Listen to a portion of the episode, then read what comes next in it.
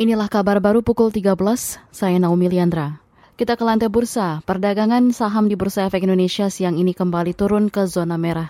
Dikutip dari data RTI Bisnis, IHSG pagi ini dibuka di zona hijau posisi 7077. Indeks sempat menembus level tinggi di posisi 7135 sebelum kemudian anjlok ke level terendah di zona merah di posisi 7043. Lebih dari 300 saham terkoreksi, 170-an saham menguat dan 150-an saham stagnan.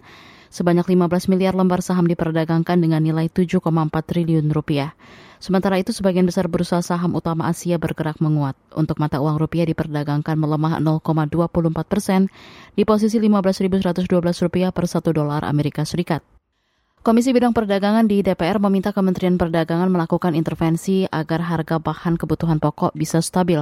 Anggota Komisi Perdagangan DPR Herman Kairon mengatakan saat ini belum ada penurunan harga bahan pokok secara signifikan.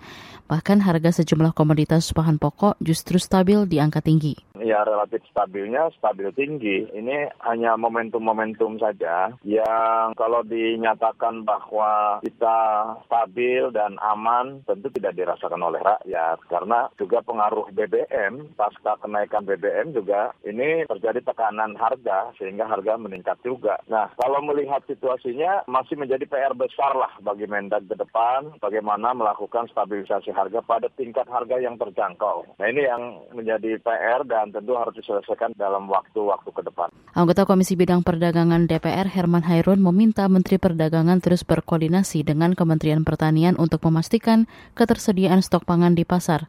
Sebelumnya, Menteri Perdagangan Zulkifli Hasan mengklaim dalam 100 hari pertama ia bekerja telah membuat harga kebutuhan pokok stabil cenderung turun, termasuk minyak goreng yang dijual sesuai harga eceran tertinggi 14.000 per liter.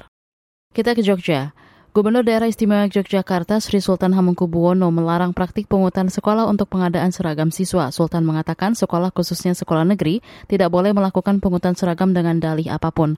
Larangan itu disampaikan Gubernur menanggapi temuan Ombudsman RI yang menemukan adanya praktik pungutan di sekolah dengan dalih pengadaan seragam. Pokoknya prinsip tidak boleh untuk seragam, ya kan?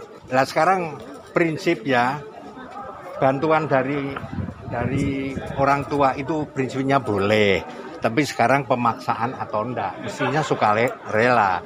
Nek turun ngarani itu nggak bisa. Ini nek suka rela itu kemungkinan bisa.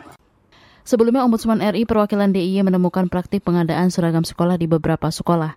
Dari hasil temuan itu rata-rata selisih harga seragam per paket lebih tinggi hingga Rp500.000 dibanding harga pasar. Jika diakumulasikan, keuntungan hasil penjualan seragam sekolah mencapai 10 miliar rupiah. Saudara, demikian kabar baru KBR. Saya Naomi Liandra undur diri.